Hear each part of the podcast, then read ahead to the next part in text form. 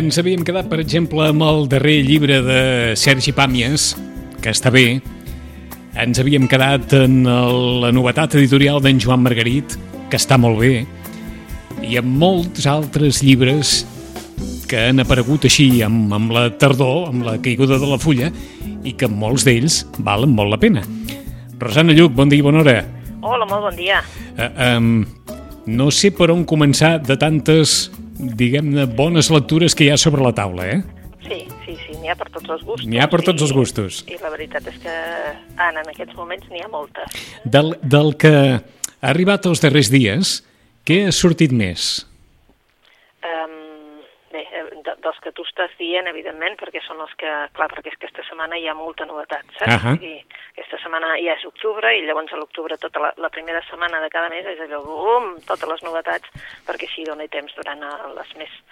Uh, igual que va passar amb el Pàmies i igual que va passar amb la Rojals, doncs van sortir els primers i així tenim temps de pair-ho durant tot un mes, Mhm. no? Uh, evidentment, uh, un dels que ha sortit més és, és el Sergi Pàmies. L'art de portar gabardina continua sent un dels llibres uh, de més venda. Saps què m'ha cridat l'atenció del llibre? Del retrat que fa del seu pare. Sí. És, és, uh, És, mm, en fi, no, no, no, no diré que, que demolidor, però sí molt crític. sí. Suposo que, que ara ja ha pogut pair, no? De Sí. qui és fill I tant. i que, i que pas, clar, vull dir, és, eren dues figures polítiques molt rellevants um, i, i, clar, això suposo que a nivell familiar, no?, Mhm. quan tu ets un nen, etc doncs eh, hem Un- explicat així, breument, eh, va explicar la relació amb el seu oncle quan van venir aquí, el futbol i Sí. tot això, però no ens explicava mai exactament quina era la relació, no?, amb ells. Dir I gairebé podem contextualitzar Teresa Pàmies, Gregorio López Raimundo, eh, òbviament, dues persones de grans conviccions polítiques, però és que arriba un moment, llegint el llibre, que dona aquella sensació de, de fins a quin punt cal perdre determinat sentit de la vida per mort d'una convicció política, eh? Sí. Eh, allò de mm, si val la pena perdre el pare o perdre la parella o perdre per, per mort d'una convicció política, perquè sembla que, que al final la, la, bé, la figura del pare no s'acabi de recuperar mai, eh? No, no, no, no. Per, molt que, per molta intenció que s'hi posi, Exacte. sembla, sembla que no, que no, eh? Que no, que no, no, ni, no. ni del pare ni de la parella, perquè gairebé dona, dona la sensació en algun moment que, que fins i tot Teresa Pàmies, la relació que tenia amb, amb López Raimundo és, vaja, que diguem-ne que no la tenim o, o, no, no, la No, teni, eh. o, no, o no la qualificaríem d'una relació massa edificant des del punt de vista de, de, la, de la comunicació o des del punt de vista emocional, eh? Sí, i això d'haver d'estar sempre, no?, amagats... eh, Sí, i tant. Clar, que aquesta...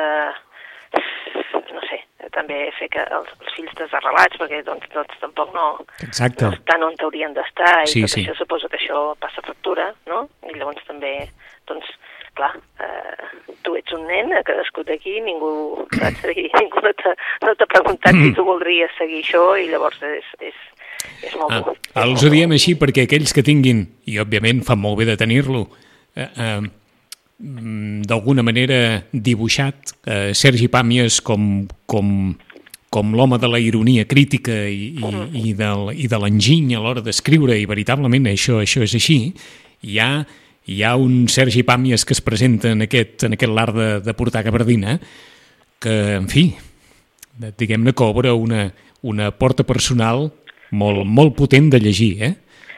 Crec que és el, potser el més personal en aquest, eh, en aquest sentit, eh? Ahà. en el sentit de que com si es despullés una mica i Exacte. ens parlés de, de la relació amb, el, amb els pares que no ho havia fet en els altres, vull Mhm. dir que si sortien, sortien, saps? Vull dir, I de, la, ara i de la seva adolescència, eh, diguem-ne, gairebé diríem, a, a la contra de tot. Sí, clar, és I- que Sí, sí. és, és una mica, no? És, és, és això, no? És, és el que tu has dit, eh? val la pena perdre un pare.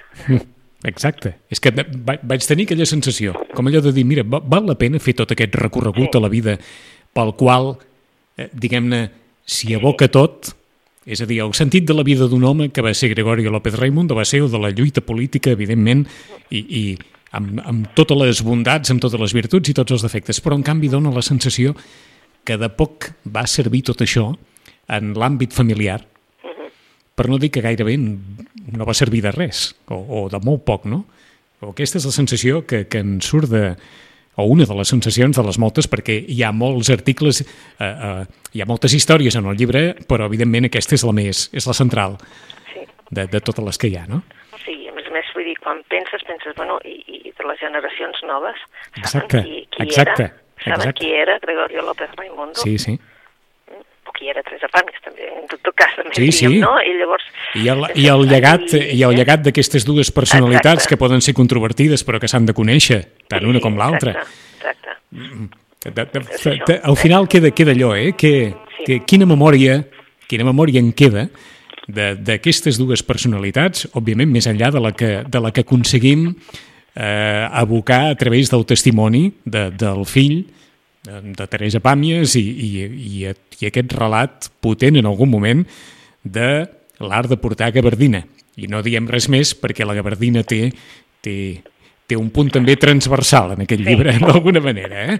Sí. Però és, és, aquest és un dels llibres més venuts, per tant, ara.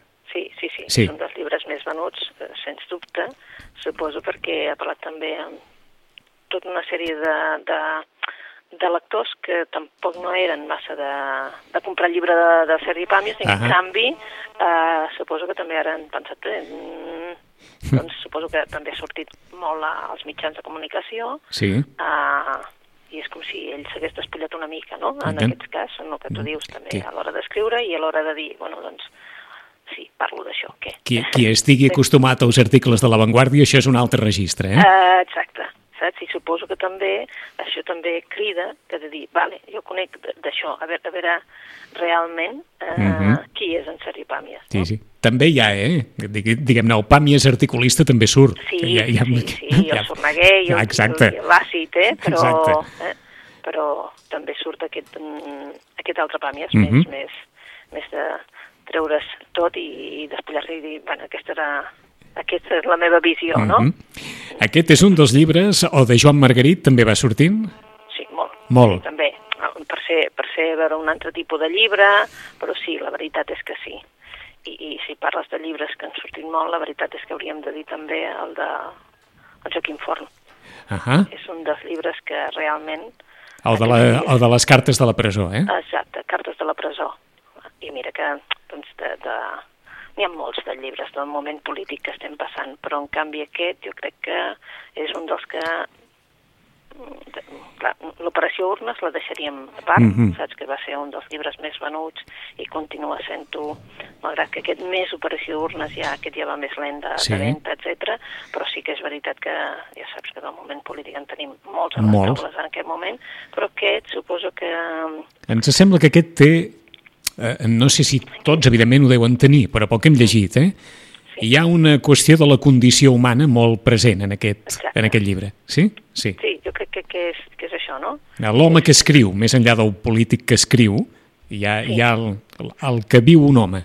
Exacte, és més aquest sentit, no? Aquest no, sentit. No, no vol donar un discurs polític, sinó, saps, allò, ho veus, que és, mm, que és més des del sentit emocional, no? I aquestes cartes des de la presó ja sabíem que des de bon començament ja es va dir que el Joaquim Forn estava escrivint, que escrivia, que escrivia molt, la seva dona també diu, "Es- escriu i escriu molt. Suposo que això és el fruit d'aquesta escriptura que ell ha anat fent tot aquest, aquest temps que ha estat allà i que... Ho, ho, ho comentàvem perquè des, de, des del el que, vaja, des de l'experiència o testimoni que pots dir, Rosana, hi ha molts llibres tant de, dels, dels consellers o fins i tot de, de l'expresident Puigdemont eh, a la venda, com també de consellers que han estat a la presó o que estan a la presó. Sí. Eh, recollits testimonis, eh, apreciacions, etc. Però, en canvi, aquest té, aquest, té una derivada diferent, ens sembla, de la resta. Eh? Sí, sí, completament. I les vendes ho estan demostrant. Les vendes ho estan demostrant, sí. La veritat és que s'està demostrant perquè és això que et deia, no? Dir, 34 dies i també s'està... Però no té res a veure Mhm. amb les vendes de de- de- d'aquest llibre. És el de, la, el de 34 dies, és el de la consellera Bassa? De, Mer- de No. Meritxell Borràs. De la Mercè Borràs, perdó. Meritxell Borràs. Bé, la Meritxell Borràs. És, és aquell 34 dies de tardor i un de primavera, és que Sí. van sortir a l'hora, eh? Vull dir, Ah, van sortir a l'hora. per, I per això és que va haver un moment d'un Sí, sí. desembarcament de llibres eh, Ah, d'aquest caire, eh? Sí, veníem de les cartes dels fills, Sí. eh? Uh, I llavors, clar, mm, ens aterrissa el, de, el del, del Joaquim Forn i realment uh, arrasa, arrasa, perquè suposo que la gent vol saber què, què, què ens vol dir ell, Mm. què ens vol dir ell, eh? Sembla mentida com, eh, arran d'aquest context i d'aquesta situació, hem retrobat, mal que sigui per les circumstàncies obligades, a les quals, eh, evidentment, viuen els protagonistes, la l'edició de llibres epistolars. Eh, ara que estem en l'època en què, en què no s'escriu en carta ni sobre el paper, Mm, No, no, i que no s'escriu a mà i que no... i que no s'escriu eh? a mà, vet Sí, aquí, vet aquí el testimoni que s'escriu a mà i sobre el paper i, vaja, i amb els mínims recursos possibles que pot donar eh, estar en una cel·la de, de presó. Exacte. I, eh? i d'això en surt un llibre, com, com diguem-ne, com abans. Sí, exacte, com abans. Eh? que ens descriu tota la situació, tots els sentiments, que ens descriu Mhm. absolutament doncs, estats d'ànim, bé, de tot. Eh? Allò que només es pot escriure a poc a poc. A poc a poc. Eh? I tenim molt de temps. I tenim molt de temps per, per pensar, repensar, tornar a pensar i per viure les sensacions com no es poden viure en la compulsivitat del dia a dia i de les xarxes socials i de, de la, del 3.0, no? Eh? Sí, sí, i veníem també d'un llibre que també s'ha venut i que suposo que també després van sortir els nanos a la televisió també aquell de Abans ningú et deia t'estimo, Sí. no? que era el dels fills, eh? Sí, el sí. de l'Anna Fort, de la Berta Fort, del Laura, de la Laura Turull i la Marta Turull també, i l'Oriol Sánchez, el fill del Jordi Sánchez. Sí. Aquest, aquest també ha sigut un dels llibres més venut, però abans, diguéssim, és a dir, el, més abans, i en canvi aquest ara, doncs, és un dels llibres que realment desapareix de sobre Mhm. taula.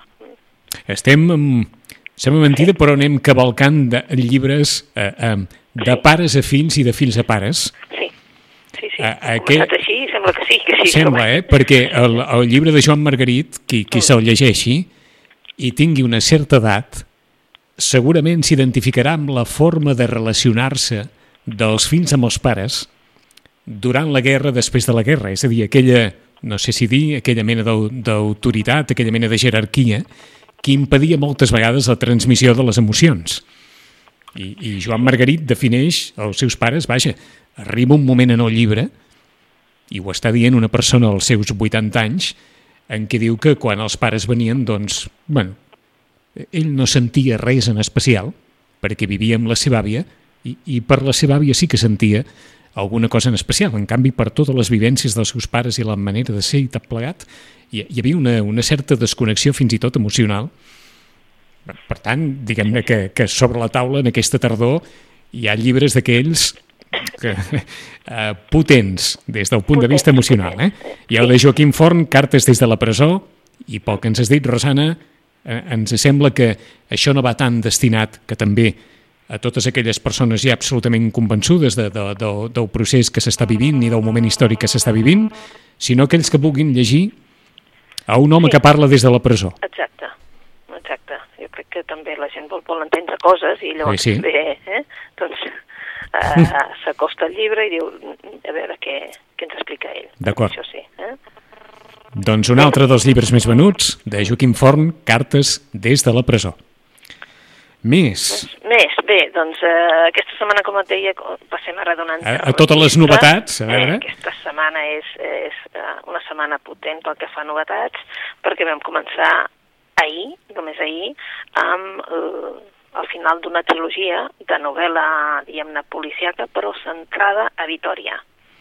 Um, pel que no l'hagi llegit, uh, ha de començar amb El silenci de la ciutat blanca, si vol eh, una novel·la trepidant que passa a Vitoria, sa- passa en, els, en el centre històric de Vitoria, vas corrent pel centre històric de Vitoria, eh, una sèrie d'assassinats eh, d'un assassí en sèrie, a un home que està a la presó i que ha condemnat per aquests assassinats que ja van passar fa uns anys i ara tornen a reproduir-se Mhm. i això fa anar a la ciutat de Bòlit i sobretot a un personatge, a l'Unai López de Ayala, que és el Kraken. Eh? Bé, eh, a partir d'aquí eh, eh, hi ha una frase en, en tot el llibre que és eh, quan ell veu que han assassinat algú que diu aquí termina tu casa, aquí comienza la mia, que és ell que es repeteix aquest mantra perquè ho ha- l'ha de trobar, no? Després passem, després d'una situació que no podem desvetllar-la, etc. passem al segon, que és Los Ritos del Agua, també ens fa anar per tot Vitoria, eh, la plaça de la, la Virgen Blanca, en, bueno, eh, en tota la, aquelles carnisseries, és tot un llibre que passa a Vitoria, que passa en el centre històric de Vitoria, amb el mateix Kraken Sí. i amb la comissària, amb la, la seva jefa, diguéssim, que és l'Alba, que després veureu quina relació tenen, amb l'Estivalis, i ara, ara tot va relacionat amb ell. Eh? És a dir, que en aquest cas el que perilla també és ell i bé, la ciutat la, es posa en contra, bé, no és un llibre que estàs llegint-lo i no et dura tres ni res, eh? vull dir, és aquells llibres que agafes i no pots parar. I eh, ahir, ahir va Sí. sortir el tercer, Los Señores del Tiempo. Mhm. Los Señores del Tiempo vol acabar el, la trilogia aquesta de l'Unai López de Ayala i la, la comissària Alba i també vol acabar també en, no sabem si després ho continuarà, però en principi el que és Los Señores del Tiempo representa que és el, el títol d'una novel·la històrica que es presenta a Vitoria, que no es coneix qui és l'autor i resulta que s'està reproduint una sèrie d'assassinats seguint aquesta novel·la històrica, amb la qual cosa tenim la novel·la històrica per una banda, que se'ns la- se'ns va explicant, i per l'altra eh, el que veiem que, que està passant. Evidentment tenim un Kraken ja recuperat, perquè des de la primera novel·la teníem un, el van disparar, ara ja el tenim i va quedar amb una, amb una fàcia de broca i per tant havia de tornar a parlar, ara ja el tenim totalment recuperat, és un Kraken eh, al 100%, però clar, tot això l'amoïna moltíssim perquè es tornen a... Bé, mm, els, els crims són horrorosos perquè són reproduccions de, de coses medievals. Eh? I per tant és un encobamiento, un, saps allò, unes coses que evidentment mai s'havien vist. Uh -huh. Què deu tenir Vitoria?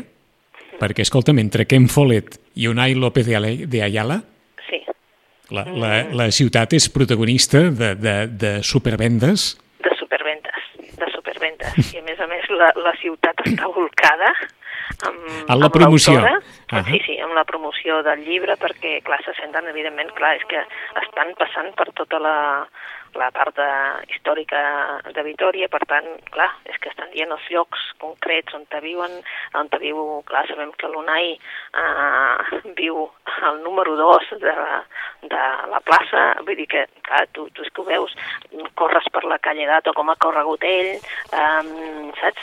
Vas Mhm. per, per davant de l'edifici de la Casa del Cordón, o sigui, saps allò que, clar, ho vius moltíssim i, per tant, eh, Vitoria també s'aboca amb aquest... Eh, amb aquesta novel·la.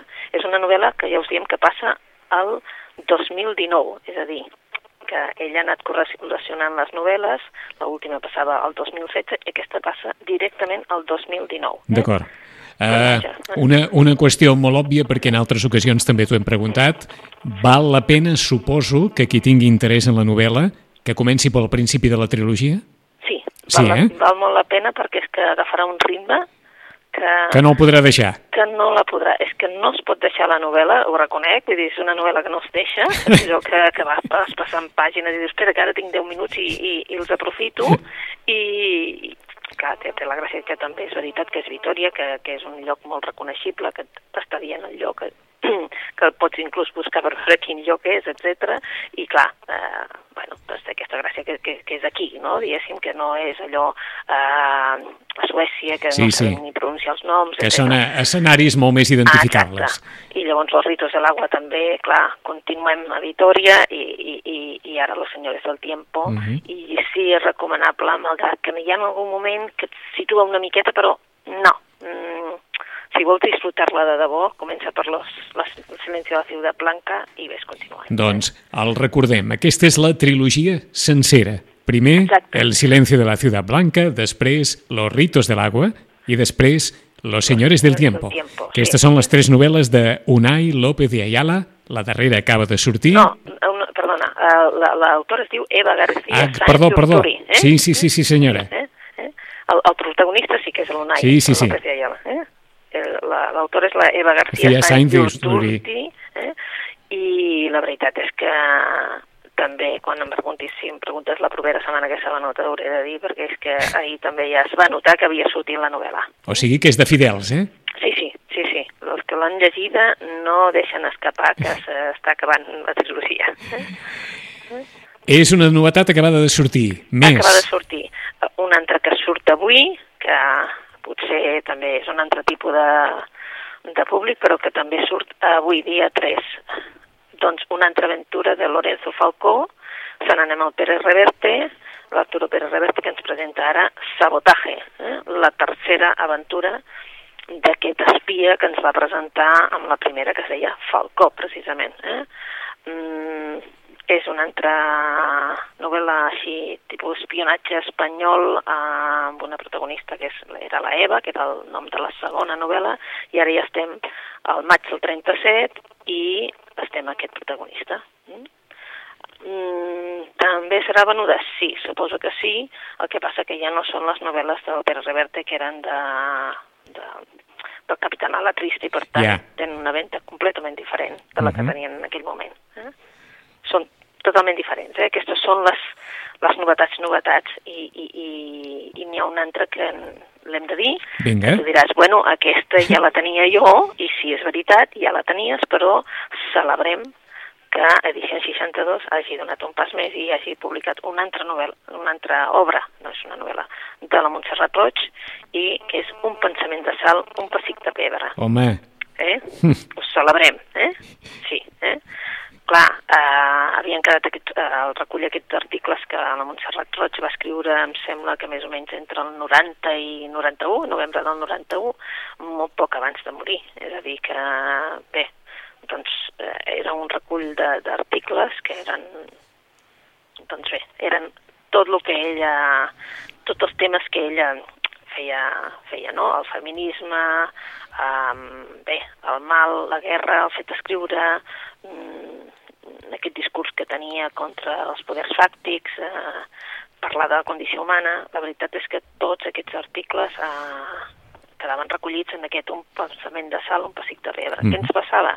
Que, evidentment, no teníem el llibre per, per poder-lo recomanar ni dir-li a ningú què havia escrit la Montserrat Roig. Eh? um, perquè és clar, ara, ara en vam parlar fa quatre dies i el record ja, ja ha tornat a quedar perdut eh, enmig de, de les novetats literàries. Vam parlar de Montserrat Roig per, per la qüestió de l'aniversari, però Sí. ja, ja està, ha tornat a, a desaparèixer, diguem-ne, de, de la memòria. Ara, si algú vol trobar coses de Montserrat Roig, ho té complicat encara? No, No. no, no, no, ara no, no, no té complicat perquè ja s'estan publicant totes les... eh, s'estan, bueno, tornant a publicar tímidament, però sí, però sí que, bueno, el mateix que va passar amb el Pedrolo, ja te'n Sí, recordes? sí, sí, dir tant que en vam parlar doncs, també. Eh, doncs Mhm. bé, eh, la- l'obra aquella cabdal que era Els catalans als camps nazis es va publicar, es va, va ser també un èxit perquè doncs, hi havia molta gent que va dir home, que, que era una cosa que calia, però bé, eh, en Butxaca tenim el temps de les cireres, digues que m'estimes encara que sigui mentida, mm, comencem a tenir bastantes, eh? Potser, Mhm. clar, l'agulla daurada encara no la tenim, però jo crec que anirem tenint, eh, saps, faran un pas i ho publicaran o acabaran publicant, republicant tot, perdona, perquè publicat ja ho estava, eh? Està clar. Doncs en aquest cas, un pensament de sal, un pessic de pebre, el recull dels darrers articles de Montserrat Roig, també acabat de sortir. I què podríem recomanar, Rosana? Doncs recomanem Que una... tot, que tot això que ens has comentat també és recomanable, però... Sí, sí, tot, tot, tot, tot, tot és molt recomanable. bueno, tot, eh, a veure, cadascú que li, que, que li agradi, eh? També, a veure, estem dient que estem recomanant el Pere Reverte, però bueno, si no t'agrada la novel·la així, una mica d'espies i d'això, pues, segurament tampoc no, no, no l'agafaràs, no? Però ara també us volem recomanar una noia menys coneguda. Es diu Marta Oriols Balaguer. Uh És de Sabadell, és una autora nascuda, em sembla, mitjans dels 70, i bé, um, què ha fet? Doncs eh, eh, té un blog, té un blog d'escriptura que es diu No puc dormir. Eh? um, eh, ha ajudat moltes vegades amb, amb traduccions, amb edicions, eh, amb l'edició del llibre Objeto d'amor de l'Enna O'Brien, per exemple, i la veritat és que també saps, té, co- col·labora amb el Cultural del Núvol. Bé, ara uh, va escriure un llibre que es deia Anatomia de les distàncies curtes, el 2016, que la veritat és que mm, va tenir un èxit força notable per ser una persona que no, no la coneixien i tal, i ara tenim, mm, bé, mm, s'ha atrevit amb una novel·la. Mm? Uh, bé, el Biel Mesquida diu tendríssima, eh? Es diu Aprendre a parlar amb les plantes. És una novel·la um, escrita des del punt de vista d'una dona, d'una dona que, que bé, que ja no reconeix aquest món. El món en el que viu ja no el reconeix, no? I per tant um, ens convida doncs a això, a enfrontar-te amb el teu dolor i la veritat és que és una novel·la jo l'he començada i us la recomano, però des de la primera plana. Eh? Uh -huh. És una novel·la que acaba de sortir, eh? acaba, acaba de sortir, però és d'aquelles novel·les que suposo que aquests dies ens sentirem a parlar. Mm? És del Periscopi, d'aquella editorial doncs, eh, independent, petitona, que ens va publicant coses molt i molt interessants i ara ens publica la Marta Oriols. Doncs acabat de sortir de Marta Oriols, Aprendre a parlar amb les plantes. plantes. Ens diuen les, les notes de premsa, la Paula té 40 anys, és neonatòloga i està viva quan una revelació i una pèrdua sobtada la porten a submergir-se en ella mateixa, emprèn un camí que l'endinsarà en la ràbia, la por, el desig i la reconstrucció personal i que li despertarà l'instint de supervivència. Desorientada, s'haurà d'enfrontar fins i tot ella mateixa per reorganitzar una geografia emocional que sent extingida. Sí, no sé si...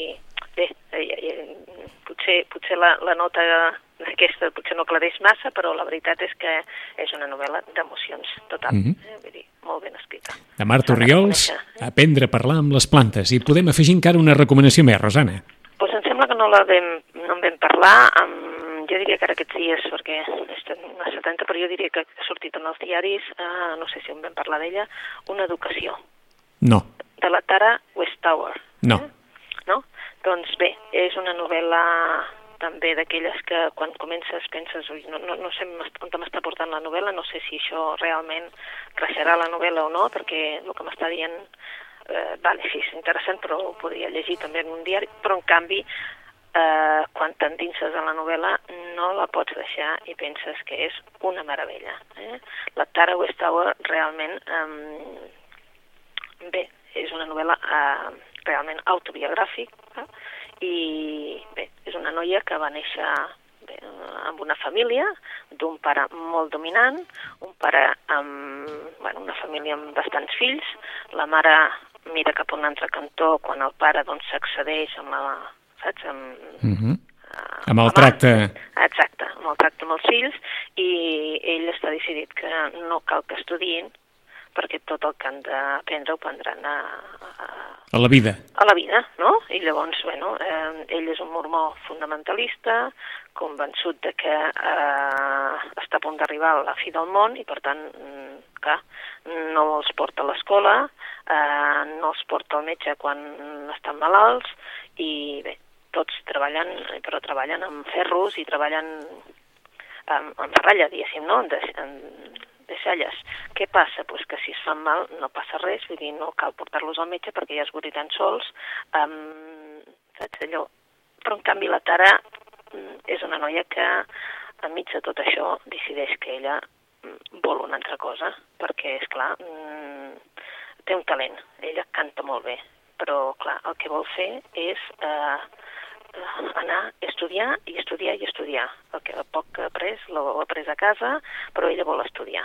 Clar, es troba que quan va per primera vegada a una escola ja té 17 anys. Uh -huh. Per tant, eh, necessita una beca, necessita anar a la universitat... Eh, mm, clar, és que no, no, no sap ben bé ni, ni, ni quan li parlen de dels camps de concentració, no sap de què li estan parlant, eh, clar, no, és que no sap res, vull dir, clar, és un, com un bitxet raro dintre d'un... Clar, és que ella era com a salvatge, no? Però bé, eh, ella sap que l'educació la salvarà i bé, acaba a Cambridge, o sigui que evidentment el que ha de fer és educar-se, educar-se, educar-se, perquè ella el que veu és que l'educació serà la seva salvació com a persona. Una educació també és, eh, traduït per Més que llibres, per l'editorial Més que llibres, una educació en castellà per Lumen, um, tracta d'això, d'un procés de transformació d'una persona que està decidida a tenir una educació. Mm -hmm. Ara ho podríem extrapolar, això, eh? eh? Que ara ho podríem extrapolar, això. Sí? L'educació ens salvarà. Eh, Així, com, com que agafa la frase i diu, mira, sí. l'educació ens salvarà doncs l'educació ens salvarà. I amb ella el que la salva és Exacte. això, eh? la seva tossuderia a tenir-la també. Eh? Una, una... L'ambient no és propici. Eh? Per, per això dic una convicció d'aquelles que, que és tan vella com la història de la humanitat. Eh? L'educació ens salvarà. Bé, doncs fem, fem marxa, marxa enrere, començant per aquesta darrera recomanació que ens ha deixat la Rosana, una educació de Tara Westover, la història d'aquest pare dominant, mormó fonamentalista, que té els seus fills dins d'una bombolla i, i als 17 anys la filla arriba a l'escola i se n'adona que, que no sap res. Ha sortit de la bombolla i s'ha trobat amb la vida veritablement real. Recomana molt la Rosana aprendre a parlar amb les plantes. Novel·la de Marta Riols Balaguer, coneguda ja per Anatomia de les distàncies curtes. La va publicar l'any 2016 i per un blog que es titula No puc dormir, un blog d'escriptura on hi deixa les seves eh, reflexions. Una dona que acaba no reconeguent el món en què està vivint i que, per tant, ha de refundar-se a ella mateixa de Montserrat Roig, a qui els agradeix sempre Montserrat Roig i a qui vulguin descobrir-la, a la seva faceta també de autora d'articles, un pensament de sal, un pessic de pebre, alguns dels articles de Montserrat Roig escrits abans eh, de morir. D'Arturo Pérez en Reverte acaba de sortir Sabotaje dins en la línia de les novel·les d'espionatge dels darrers anys de l'autor. I pels qui siguin ja devots de les novel·les d'Eva García Sainz i Urturi, acaba de sortir Los señores del tiempo. És la darrera d'una trilogia que se centra en Vitoria en tot un seguit de crims i la Rosana recomana començar per la primera perquè quan comencin per la primera no ho podran deixar. O sigui que començaran per la primera, compraran la segona, llegiran la segona, compraran la tercera i això serà un no parar si fem cas al que diu la Rosana, que habitualment en fem i no s'equivoca. La primera, El silencio de la ciudad blanca. La segona, Los ritos del agua. La tercera, Los señores del tiempo. I també hi hem d'afegir en la llista de llibres eh, més venuts aquests darrers dies i que també val, val la pena recomanar el llibre de Joan Margarit, el Per tenir casa cal guanyar la guerra. No és un llibre de memòries, però el poeta es pregunta per què la seva poesia és així. I la seva poesia és així perquè ha viscut d'una determinada manera i ha tingut una relació familiar d'una determinada manera. Un llibre molt potent, com potent és l'art de portar gabardina de Sergi Pàmies i el retrat que fa de la seva vida familiar, de la seva mare, de Gregorio López Raimundo, de, del, del passat, el present i del sentit de la vida en alguns moments. I també, no només per aquells que estan plenament identificats i convençuts en el, en el procés vers la independència, sinó per tothom en general, les cartes des de la presó de Joaquim Forn, perquè les escriu més un home que no un polític des de la presó. I aquest és, sembla, un dels interessos primordials i principals d'aquest llibre. En 15 dies tornarem, com no, més recomanacions amb la Rosana Lluc. Rosana, bona lectura i fins aquí 15 dies. Bona lectura. Adéu-siau.